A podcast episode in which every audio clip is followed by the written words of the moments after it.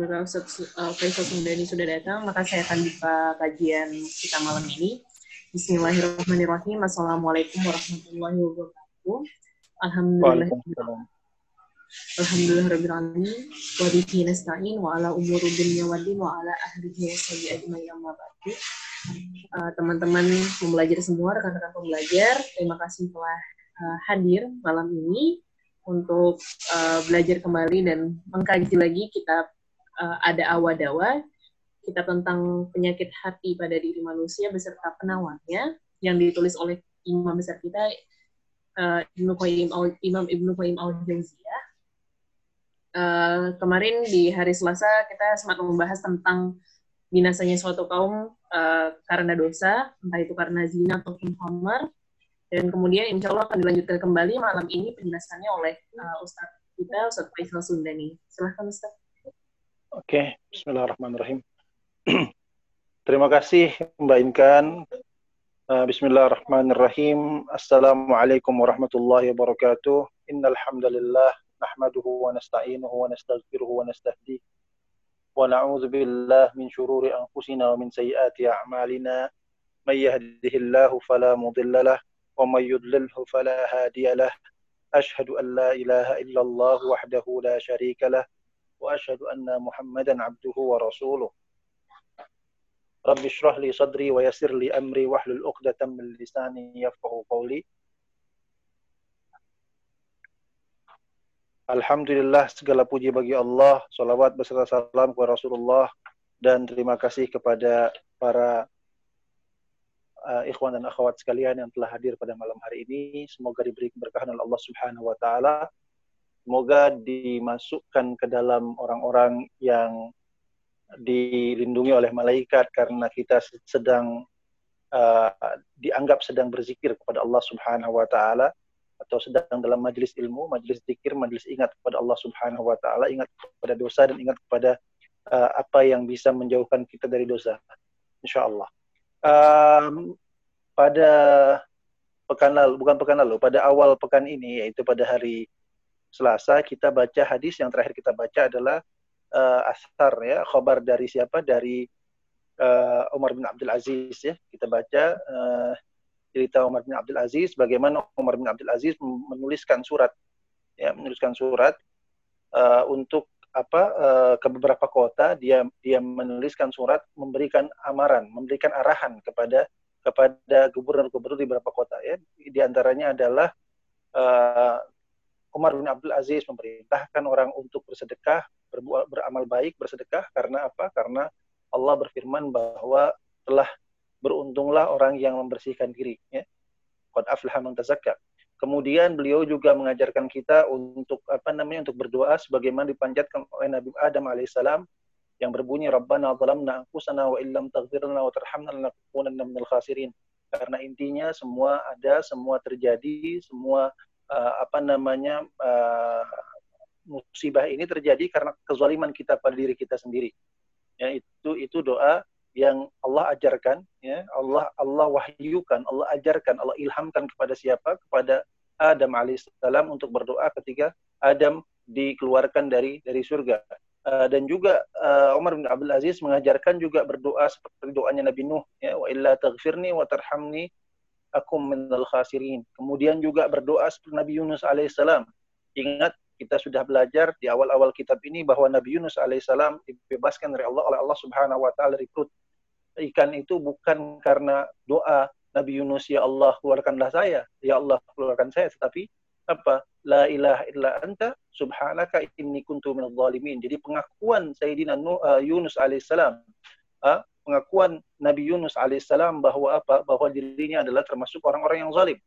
Ya, jadi uh, itu doa-doa yang itu hal-hal yang digarisbawahi oleh Umar bin Abdul Aziz yang ditulis oleh Umar bin Abdul Aziz kepada para apa namanya kepada para pemimpin-pemimpin kota untuk apa untuk diajarkan kepada rakyat-rakyatnya. Oke. Kemudian uh, dalam halaman selanjutnya ini ada hadis ya yang diriwayatkan oleh Imam Ahmad Ibn Hanbal ya dalam oke okay. wa ibnu abi dunya wa dzakara ibnu maaf ya wa imam ahmad ya dan imam ahmad menuturkan Haddatsana Aswad bin Amir, haddatsana Abu Bakar an al-A'mash an Atha bin Abi Rabah an Ibnu Umar. Kami diberitahukan as, uh, dari Aswad bin Amir, diberitahukan Abu Bakar dari Al-A'mash dari Atha bin Abi Rabah dari Ibnu Umar dia berkata aku mendengar Rasulullah wasallam bersabda "Idza dhanna an-nasu bid-dinari wad-dirhami bil-'ainah" jika manusia telah menjadi kikir dengan dinar dan dirhamnya. Jadi manusia sudah kikir dengan dinar dan dirhamnya. Wa tabaya'u bil-'ainah dan berjual beli dengan ainah. Kita akan jelaskan apa itu ainah. Wa tabi'u adnabal ya dan mengikuti buntut Watabi'u adnabal baqarah. Ini ini inilah perlunya ada satu pengetahuan dalam bahasa ketika menerjemahkan hadis ya. Karena kalau dalam literal meaning, dalam bahasa literasi ya, dalam bahasa secara literal, tabi'u adnabal baqar artinya apa? Mengikuti aznab. Aznab itu adalah buntut, al-baqar adalah sapi. Tetapi makna dari situ itu ada kiasan. Kiasan apa? Kiasan bah, uh, dari bercocok tanam. Jadi watabiu adzabal bakar artinya dan mementingkan bercocok tanam. Ya, artinya mementingkan kerja untuk dunia. Ya. Wa tarakul jihad fi sabilillah dan meninggalkan jihad fi sabilillah. Anzalallahu bihim bala'an la yarfa'u hatta yuraji'u dinahum.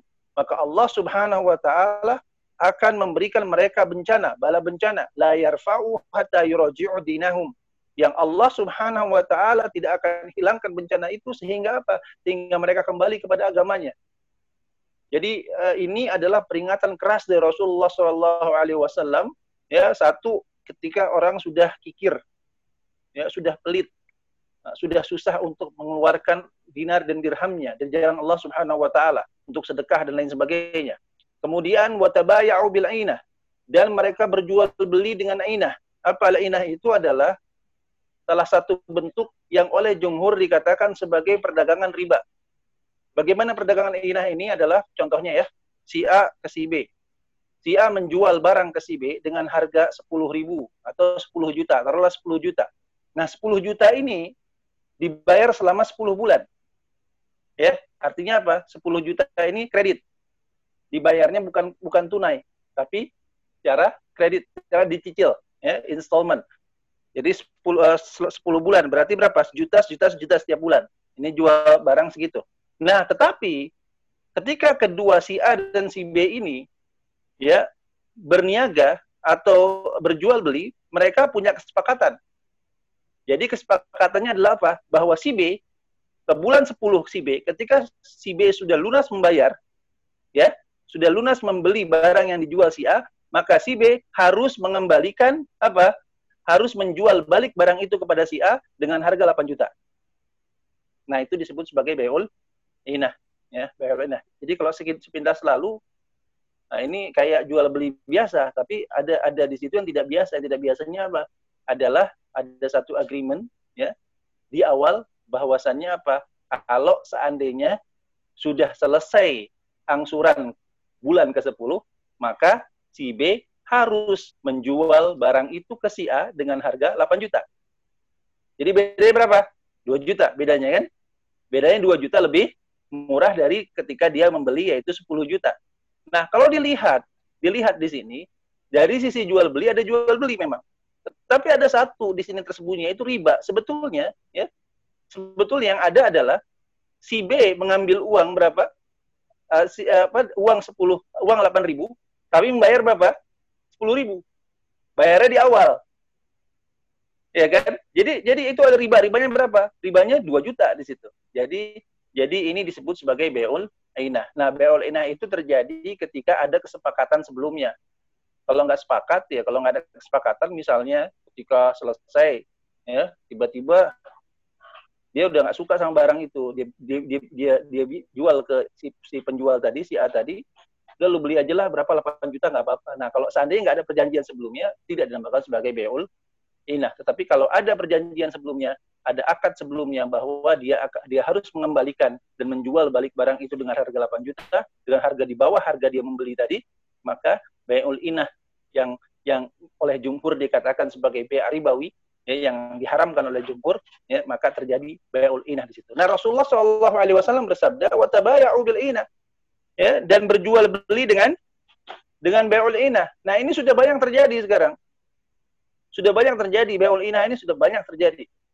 Ya, jadi jadi pada pada pada zahirnya adalah jual beli, tetapi sesungguhnya di situ ada proses riba. Sesungguhnya di situ ada proses riba, ada ada peminjaman uang dengan dengan riba. Kemudian watabi'u aznabal baqar. Dan ketika orang lebih mementingkan bercocok tanam. Allah, gak usah pentingkan jihad, gak usah pentingkan agama, yang penting hidup. Ya, ketika orang bilang yang penting hidup. Masa bodoh amat, masjid mau diambil, kita nggak boleh sholat, kita nggak boleh puasa, kita nggak boleh zakat. Yang penting kita masih bisa kerja. Itu kayaknya familiar, banyak yang begitu kan. Yang penting kita masih bisa kerja, yang penting kita masih bisa hidup. Nah, apabila manusia sudah begitu semua, ya apabila semua manusia ya sudah pikiran mereka adalah kepada bercocok tanam kepada harta, ya kepada keduniaan. Kemudian watarakul jihad fi sabilillah karena sudah terikat dengan harta dunia, terikat dengan pekerjaan duniawi, ya dengan dengan jual beli, dengan apalagi dengan bercocok tanam dan apa pun bentuknya, maka watarakul jihad dan mereka meninggalkan jihad di jalan Allah. Apa yang terjadi? Anzalallahu bihim bala'an maka Allah akan menurunkan kepada mereka bala bencana. Ya, dan bala itu la yarfa'u hatta yuraji'u dinahum. Bala itu tidak akan diangkat oleh Allah Subhanahu wa taala sehingga mereka kembali kepada agama mereka. Jadi uh, itu adalah hadis yang diriwayatkan oleh Imam Ahmad. Kemudian uh, dalam uh, dan hadis di atas juga apa diriwayatkan oleh Abu Abu Daud ya dengan sanad Hasan hadis di atas. Nah, kemudian dalam Ibnu Abi Dunya ada uh, dalam uh, kitab Zuhud dari Ibnu Abi Dunya itu ada juga hadis di atas dengan apa namanya dengan tambahan ya dari Ibnu Umar dia berkata, "Aku prihatin melihat kondisi kita, semestinya tidak ada seorang pun yang lebih berhak terhadap dinar dan dirham selain saudaranya sama muslim." Nah, itu tambahannya. Kemudian aku pernah mendengar Rasulullah Shallallahu Alaihi Wasallam bersabda, sama hadisnya, "Idza dhanna an-nasu dirham wa tabaya'u bil 'ainah wa fi sabilillah wa akhadhu aznab al-baqar." Ini berbeda yang tadi di atas apa? Wa tabi'u aznab al-baqar, yang kedua di bawah wa akhadhu aznab al-baqar, sama artinya yaitu bercocok tanam. Kalau di atas wa tabi'u aznab al-baqar artinya mereka mengikuti apa jalan bercocok tanam. Wa akhadhu aznabal bakar dan mereka mengambil jalan apa bercocok tanam. Kemudian anzalallahu alaihim minas sama'i balaan dan Allah menurunkan ada kata minas sama'i dari langit balaan apa? Bala bencana fala yarfa'u anhum hatta yuraji'u dinahum. Yang bala bencana itu tidak akan diangkat oleh Allah Subhanahu wa taala sehingga mereka kembali kepada agamanya masing-masing. Jadi di sini Nabi Muhammad SAW sebagaimana dinukilkan oleh Ibnu Qayyim al-Jauziyah memberikan beberapa penyakit yang menyebabkan bencana. Di sisi lain, ini daknya ya, adanya. Obat apa uh, penyakitnya, adanya. Adanya apa saja? Tadi dinar dan dirham. Kemudian bayul inah. Kemudian bercocok apa bekerja ya, keasikan kerja sehingga lupa jihad fi sabilillah. Nah, itu daknya. Penyakitnya. Nah, dawanya itu apa? Obatnya itu apa? Obatnya adalah yuraji'u dinahum kembali kepada aga, agama mereka itu obatnya ya jadi jadi itu yang di yang disebutkan oleh Rasulullah Shallallahu Alaihi Wasallam dalam beberapa hadis ya yang telah kita baca di atas. Jadi intinya adalah di situ apa? Di situ ada maksiat di situ, ada kelalaian, ada kemaksiatan ya. Yang mana kemaksiatan, dosa, kelalaian itu tidak hanya membahayakan manusia selaku person ya sebagai seorang person, sebagai seseorang individu, tetapi juga apa? membahayakan negara, membahayakan komunitas, membahayakan seluruh negeri secara umum.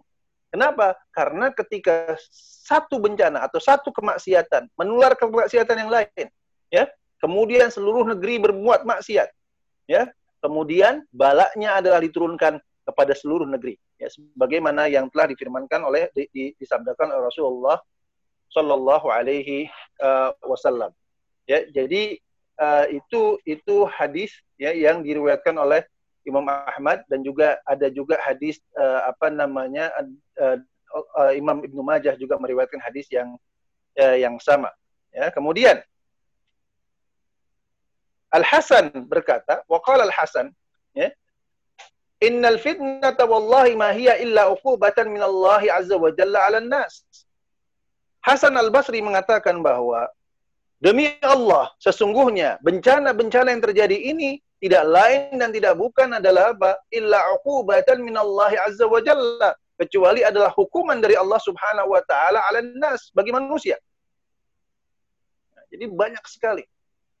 Nah, itu kayak kita ngaca ke diri kita, di kaca itu ada tulisan afala ta'qilun. Tidakkah engkau pikirkan? Afala tatafakkarun, ya.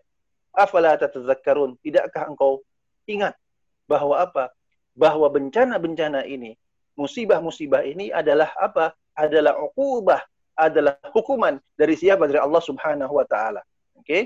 Kemudian ini ada uh, wa nadhara anbiya Bani Israel ya sebagai sebagian Bani Israel memperhatikan tindakan Nebukadnezar. Ya, Nebukadnezar ini adalah seorang dari mereka ya. Uh, Nebukadnezar terhadap mereka lantas mengatakan karena perbuatan kami sendiri engkau mengangkat orang yang tidak mengenalmu dan tidak mengasihi kami sebagai penguasa kami. Jadi Nebukadnezar ini uh, berkuasa atas Bani Israel. Dia menjajah Bani Israel. Ya.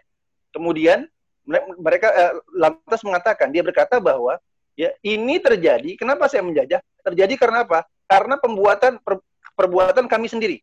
Ya. Bagaimana perbuatan kami sendiri? Engkau mengangkat orang yang tidak mengenalmu dan tidak mengasihi kami sebagai penguasa kami.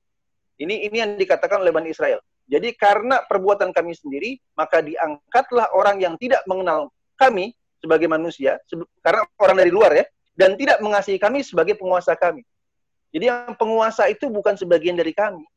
Bukan sebagian, bukan orang, bukan orang dari kami. Bukan orang yang mengenali kami. Orang yang tidak tahu kami, orang yang tidak kenal kami, dan orang yang tidak mengasihi kami, mempunyai apa? Mempunyai kekuasaan atas kami. Jadi ketika terjadi penindasan di satu negeri, sebetulnya yang terjadi adalah Allah memberikan apa? hukuman kepada penduduk negeri itu sendiri. Ya, dan hukumannya apa? Kadzalika nuwalli ba'dadh dhalimin ba'dan. Karena kita zalim kepada diri kita sendiri, kita zalim kepada Allah Subhanahu wa taala, kita zalim kepada banyak orang, maka Allah Subhanahu wa taala melantik ya menentukan bahwa ada seorang yang zalim ya yang akan memimpin negeri yang banyak orang-orang zalim di depan di dalamnya. Jadi betul ada yang bilang bahwa pemimpin itu adalah representasi dari yang dipimpin. Ya, jadi kalau pemimpinnya zalim berarti banyak juga rakyatnya yang zalim. Kalau pemimpinnya pandai berarti banyak rakyatnya yang pandai. Mimpinnya alim berarti banyak rakyatnya yang alim. Jadi jadi kalau dalam bahasa Rasulullah Shallallahu Alaihi Wasallam dalam bahasa Arab atau bahasa uh, hadis, la yalumanna illa nafsah. Tidaklah dia menyalahi sesiapapun kecuali dirinya sendiri. Ya, karena karena, karena dirinya sendiri. Maka dapat pemimpin yang zalim. Nebukadnezar berkata kepada Daniel, ya, Daniel, apa yang menyebabkan aku menjadi aku menjadi penguasa kaummu? Daniel menjawab, Daniel itu nabi ya. Daniel menjawab, besarnya dosamu dan kezaliman kaumku terhadap diri mereka sendiri. Nah, ini. Jadi ketika penguasa yang zalim, Nebukadnezar berkata kepada seorang nabi, Daniel, apa yang menyebabkan aku menjadi penguasa kaumku? Kemudian jawabannya apa? Besarnya dosamu dan kezaliman kaumku terhadap diri sendiri. Ini ini ini termasuk yang dikatakan sebagai Israeliat. Jadi akhbar Bani Israel ya uh, apa namanya cerita-cerita tentang Bani Israel disebut sebagai Israeliat. Dan ini hanya dipakai dalam urusan apa targhib wa tarhib, dalam urusan motivasi amal soleh dan urusan fadhailil a'mal saja. Dan tidak dipergunakan untuk penghalalan dan pengharaman. Inilah kalau kita kaji, kita lihat lagi dari awal sampai akhir, mungkin uh, ikhwan dan akhwat sekalian kalau uh, melihat uh, kitabnya di bawah itu ada footnote, di footnote-nya itu ada ada keterangan hadisnya itu apa ya nggak semua hadis tetapi di kebanyakan hadis di footnote-nya itu ada derajat hadisnya apa dan mungkin mungkin kawan eh, kawan-kawan melihat dan uh, juga kaget banyak hadis yang doif di sini ya Nah, kenapa Imam Ibn Qayyim mencantumkan hadis-hadis doif dalam kitab Ad-Da'wah Dawa? Karena apa?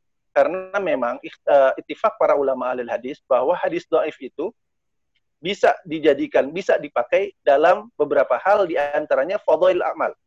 Ketika berbicara tentang fadilat-fadilat amal, maka boleh menggunakan apa? Hadis doif. Asalkan tidak terlalu doif.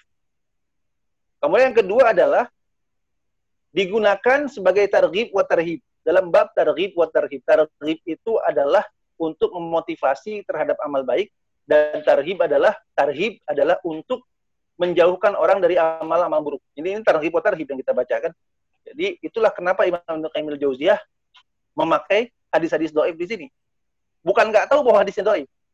Ya, beliau lebih tahu dari kita. Ya. Kemudian satu lagi, satu lagi, bahwa hadis-hadis doib ini tidak dijadikan landasan hukum. Lalu kalau kita lihat hadis-hadis bukan landasan hukum semua. Ya, bukan landasan hukum. Tetapi hal-hal memang menceritakan hal-hal yang sudah jelas hukumnya secara secara syariah dengan dalil-dalil yang lebih kuat gitu loh. Jadi sudah ada seperti contohnya ya apa? fahisha ya perbuatan zina, zalim dan lain sebagainya diharamkan. Itu itu banyak ayat-ayat Al-Qur'an, hadis-hadis yang sahih yang yang yang yang mengharamkan itu. Nah, Ibnu Qayyim masuk ke detail-detail ceritanya ya sebagai apa? targhib buat tarhib dan itu sah-sah saja, boleh. Ya, asalkan tidak terlalu Daif. Nah, itu. Oke, ini lagi. Kemudian disebutkan oleh Ibnu Abi Dunya wa zakara Ibnu Abi Dunya min hadis Ammar bin Yasir wa Hudzaifah an Nabi sallallahu alaihi wasallam uh, Ibnu Abi Dunya menyebutkan yaitu dari Ammar bin Yasir dan Hudzaifah bahwa Rasulullah sallallahu alaihi wasallam bersabda Inna Allah azza wa jalla idza arada bil ibadi niqmatan amatal atfal. Nah, ini innallaha sungguhnya Allah ya. Jika Allah menginginkan terjadinya azab nikmah itu azab.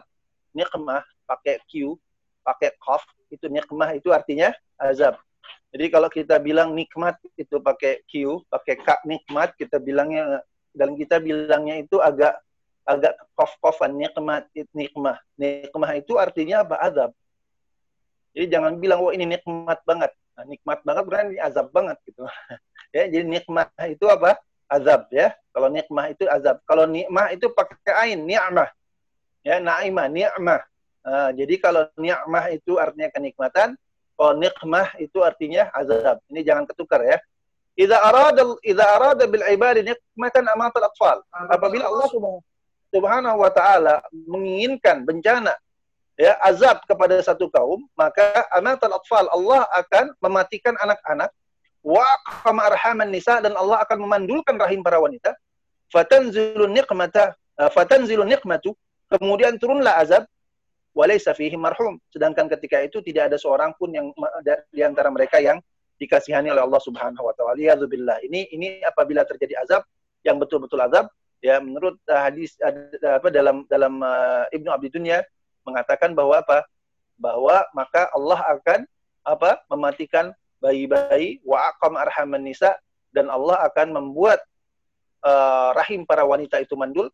Fatanzilun niqmatu ya maka apa azab itu turun walaysa fihim marhum dan tidak ada di antara mereka pun satu pun yang dikasihani wal billah ya tapi kami berlindung kepada Allah dari hal yang sedemikian kemudian beliau menyebutkan juga dari Malik bin Dinar dia berkata aku pernah membaca di satu riwayat bahwasanya Allah berfirman, ya. Yaqulullahu azza wa jalla, Allah berfirman, Ana malikul muluk, ya. Ana ana Allah, malikul muluk. Aku adalah Allah yang menguasai para raja, ya. Qulubul muluki biyadi dan hati mereka berada di tanganku. Faman ata'ani ja'altuhum alaihi rahmah. Ya. Ketika mereka mentaati aku, maka aku menjadikan mereka sebagai rahmat. Namun apabila mereka durhaka kepadaku, maka aku menjadikan mereka sebagai azab. Oleh karena itu, janganlah kalian menyibukkan diri dengan mencaci para raja, tetapi bertaubatlah kepadaku. Niscaya aku akan menjadikan mereka mengasihani kalian. Jadi intinya adalah yaitu kalau ingin pemimpin yang soleh, kita solehkan diri kita kita solehkan diri kita. Ya, jadi pemimpin yang soleh lahir dari rakyat yang soleh. Jadi jadi uh, yang diberi yang di apa namanya message dari dari uh, pesan dari hadis ini adalah ya bahwa kalau kita ingin mempunyai pemimpin yang mengasihani kita, maka apa? Maka syaratnya adalah kita tingkatkan ketaatan kita kepada Allah Subhanahu wa taala. Nah, begitu. Jadi jadi kita sibukkan diri kita dengan taubat kepada Allah Subhanahu wa taala. Minta ampunan kepada Allah Subhanahu wa taala. Ya. Jadi itu kuncinya ada kuncinya dari taubat kepada Allah Subhanahu wa taala ya. Jadi jadi uh, apa namanya sebetulnya dari rakyat kemudian ketika rakyatnya itu uh, alim, ketika rakyatnya itu uh, solih, ketika rakyat itu taat kepada Allah Subhanahu wa taala insyaallah ya insyaallah Allah akan memberikan kita pemimpin yang taat dan takut kepada Allah Subhanahu wa taala. Ya, mudah-mudahan kita bisa mulai dari diri kita sendiri, kita mulai dari rumah kita sendiri, ya, dari rumah kita, kita kita kita kembalikan rumah kita uh, menjadi tempat untuk mempersiapkan rakyat-rakyat yang taat kepada Allah Subhanahu wa taala. Kenapa rakyat-rakyat yang taat kepada Allah Subhanahu wa taala? Karena dengan adanya rakyat-rakyat yang taat kepada Allah Subhanahu wa taala, insya Allah kita akan mendapatkan pemimpin yang taat kepada Allah Subhanahu wa taala, ya. Nah, dalam marasil hasan, dalam marasil hasan disebutkan ya, wa min marasil hasan, idza arada Allah biqaumin khairan, ja'ala amrahum ila hulamaihim. Ini sama juga, sama message-nya dengan di atas. Apabila Allah Subhanahu wa taala menghendaki kebaikan bagi suatu kaum, niscaya dia menyerahkan urusan mereka kepada orang-orang yang lemah lembut. Ila hulamaihim, kepada orang-orang yang lemah lembut di antara mereka. Wa fai'ihim inda sumahaihim. Dan fai mereka, jadi fai itu adalah harta ya yang diperoleh dari kaum musyrikin tanpa melalui pertempuran. Jadi itu harta-harta itu apa? Wa ja'ala fai'ihim wa fai'ihim inda sumahaihim dan urusan fai mereka ya berada di tangan orang-orang yang murah hati di kalangan mereka. Jadi ya intinya yang megang urusan keuangan itu orang yang murah hati. Enggak dikit-dikit pajak, dikit-dikit iuran, dikit-dikit uh, bayar ini, bayar itu. Tetapi dikit-dikit subsidi, dikit-dikit intensif, ya, bukan intensif, insentif dikit-dikit insentif, dikit-dikit apa uh, subsidi, dikit-dikit pemotongan pajak dan lain sebagainya. Nah, itu apa? Itu kalau seandainya bagian keuangan di negara satu negara dipegang oleh orang yang murah hati di kalangan mereka. Ya, jadi pemimpinnya lemah lembut, ya, baik, nggak nyiksa, nggak cepat menghukum, kemudian apa? yang bertugas untuk membagikan keuangannya itu, yang mengurus keuangan itu murah hati. Jadi orang miskin ditanggung oleh negara, ya tidak ada apa namanya orang-orang yang kesusahan, apalagi ketika ketika ketika apa namanya eh, pandemi begini banyak potongan di sana sini, ya uh, mungkin sekolah dibebaskan dari SPP, ya atau internet gratis dan lain sebagainya. Kenapa? Karena yang memegang keuangan di tangan orang-orang yang murah hati di antara mereka. Nah, itu apabila Allah menginginkan kebaikan pada satu kaum. Nah, sebaliknya, jika Allah menghendaki keburukan bagi suatu kaum, pasti dia menyerahkan urusan mereka kepada orang-orang yang bodoh. Jadi yang megang itu orang yang bodoh. Ya, bukannya untung malah buntung. Ya, semua kebijakannya bodoh. Oke, okay? kemudian serta menjadikan harta faik mereka berada di tangan-tangan orang yang kikir dari kalangan mereka. Nah, itu udah satu kombinasi yang yang yang menyiksa sekali, bodoh dan kikir. Ya, yang paling di atasnya bodoh, kemudian yang megang urusan keuangannya kikir. Bukan cuma nggak suka memberi, tetapi juga senang mengambil dari dari rakyatnya. Jadi itu dalam marasil hasan jadi apabila Allah ya, menghendaki kebaikan pada satu kaum, maka yang terjadi adalah apa? Urusan kita dipermudah dengan menempatkan apa? pemimpin yang lemah lembut. Nah, bagaimana Allah menginginkan kebaikan kepada satu kaum?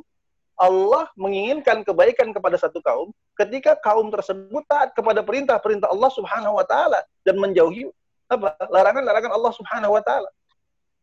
Dan kembali kepada bab amar ma'ruf nahi munkar. Ketika kaum tersebut menjalankan apa? Amil ma'amar nahi munkar. Kuntum khaira ummatin uh, ukhrijat linnas ta'muruna bil ma'ruf wa tanhauna 'anil munkar. Kata Allah. Kuntum khaira ummah, engkau adalah umat terbaik. Kapan kita dapat umat terbaik? Kapan? Ukhrijat linnas kapan?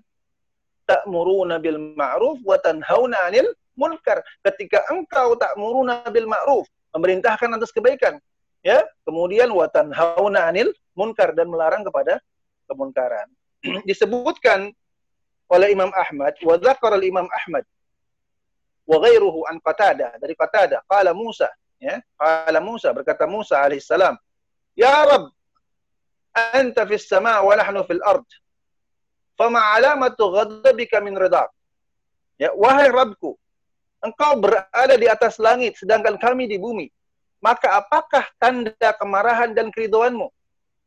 Kemudian Allah menjawab, "Idza sta'maltu 'alaikum khiyarakum fahuwa 'alamatu ridai ankum."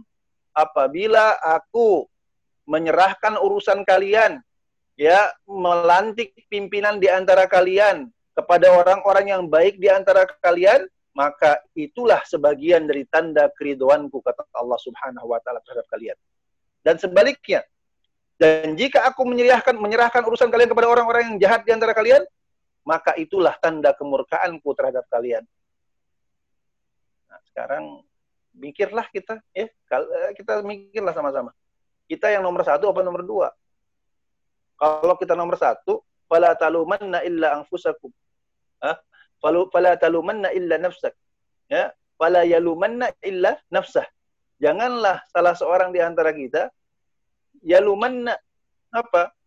Menyalahkan illa nafsa kecuali dirinya sendiri. Berarti apa? Berarti saya belum taat kepada Allah.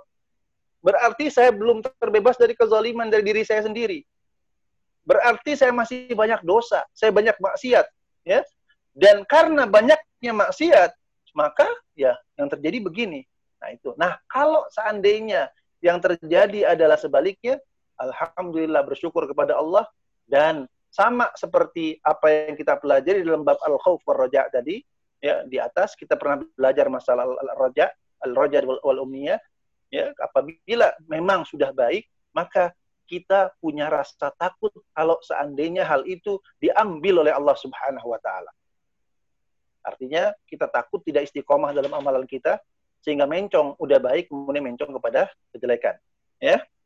Nah, Disebutkan oleh Ibnu Abid Dunya dari Fudail bin Iyad, ia berkata Allah mewahyukan kepada sebagian nabi, jika orang yang mengenalku berbuat maksiat kepadaku, niscaya aku akan menjadikan orang yang tidak mengenalku sebagai penguasanya. Ini juga sebetulnya ini banyak banyak peringatan-peringatan peringatan kepada kita gitu. Ya, bahwasannya penguasa penguasa yang tidak bagus ya dalam tanda kutip adalah terjadi karena apa? Karena rakyatnya yang kurang taat kepada Allah Subhanahu wa taala. Jadi mari salahkan diri kita sendiri. Ya. Mari sama-sama apa namanya apabila kita merasa bahwa ini susah benar hidup nih.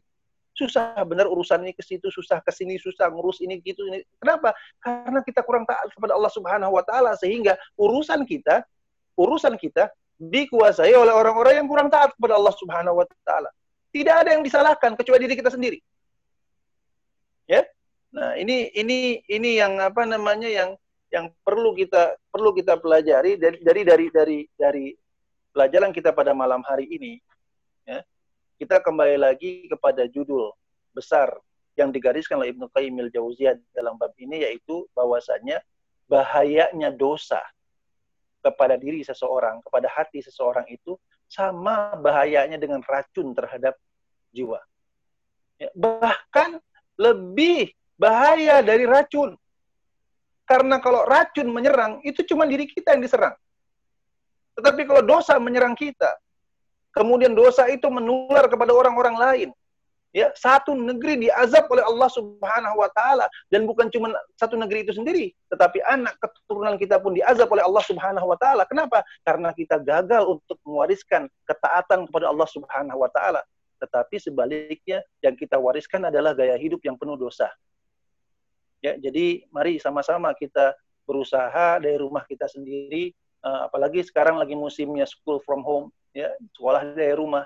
Coba kalau kita lihat uh, apa yang kita ajari kepada anak-anak kita, apa yang kita ajarkan, bukan cuma kerjaan-kerjaan sekolah, bukan cuma apa namanya akademik-akademik yang kita ajarkan kepada anak kita, tetapi coba ya kita peringatkan anak kita supaya menjauhi maksiat, supaya lebih taat kepada Allah Subhanahu wa taala, lebih dekat kepada Allah Subhanahu wa taala. Karena kita ingin hidup kita diisi dengan ketaatan dan bukan hanya ketaatan tapi kepada amar ma'ruf nahi munkar. Karena sebetulnya yang paling dekat untuk diamar ma'ruf nahi munkar kan adalah anak-anak kita, keluarga kita. Ya. Dari keluarga-keluarga kita akan datanglah apa dari setiap keluarga akan terbangunlah satu negeri yang insya Allah baldatun tayyibatun warabbun ghafur yaitu negara yang tayyibah, negara yang baik warabbun ghafur dan dirahmati oleh Allah Subhanahu wa taala, diampuni oleh Allah Subhanahu wa taala. Jadi mari sama-sama kita minta kepada Allah Subhanahu wa taala istiqomah dalam agamanya.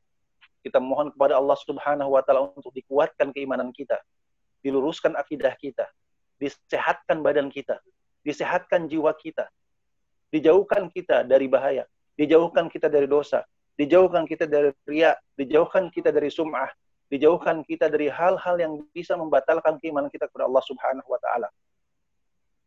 Rabbana ظلمنا أنفسنا وإن لم تغفر لنا وترحمنا لنكونن من الخاسرين. ربنا هب لنا من أزواجنا وذرياتنا قرة أعين واجعلنا للمتقين إماما. ربنا لا تؤاخذنا إن نسينا وأخطأنا ربنا ولا تحمل علينا إسرا كما حملته على الذين من قبلنا. ربنا ولا تحملنا ما لا طاقة لنا به. فاعف عنا واغفر لنا وارحمنا أنت مولانا وانصرنا على القوم الكافرين. Allahumma rfa'anna al-waba wal bala wal zalazila wal fitan min barina hadha khasatan wa min sa'iri biladil muslimin. Rabbana atina fid dunya hasanah wa fil akhirati hasanah wa qina adzaban nar. Subhan rabbika rabbil izzati amma yasifun. Wassalamu ala mursalin walhamdulillahi rabbil alamin. Terima kasih. Mohon maaf atas segala kesalahan. Eh, uh, insya Allah malam ini saya akan upload uh, yang terbaru uh, dari kajian kita hari Selasa insya Allah ya uh, apabila ada yang terlewat bisa kembali kepada Spotify insya Allah di situ ada podcastnya. Begitu saja saya serahkan kepada Mbak uh, Inkan silakan. Baik. Uh, terima kasih Ustaz atas penjelasan uh, penjelasan tadi tentang uh, bagaimana dosa itu benar. Efeknya buruk banget ke kita ke sekeliling kita bahwa dosa itu menular bisa menyebabkan orang baik juga uh, terkena amarah Allah Subhanahu wa taala. Uh, makanya dari itu kita lebih uh, baik mengingatkan teman-teman di sekeliling kita untuk selalu berbuat baik.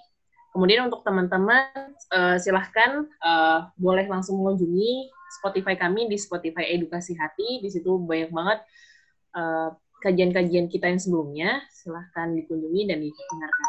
Terima kasih teman-teman. Syukron. Wassalamualaikum warahmatullahi wabarakatuh. Waalaikumsalam warahmatullahi wabarakatuh.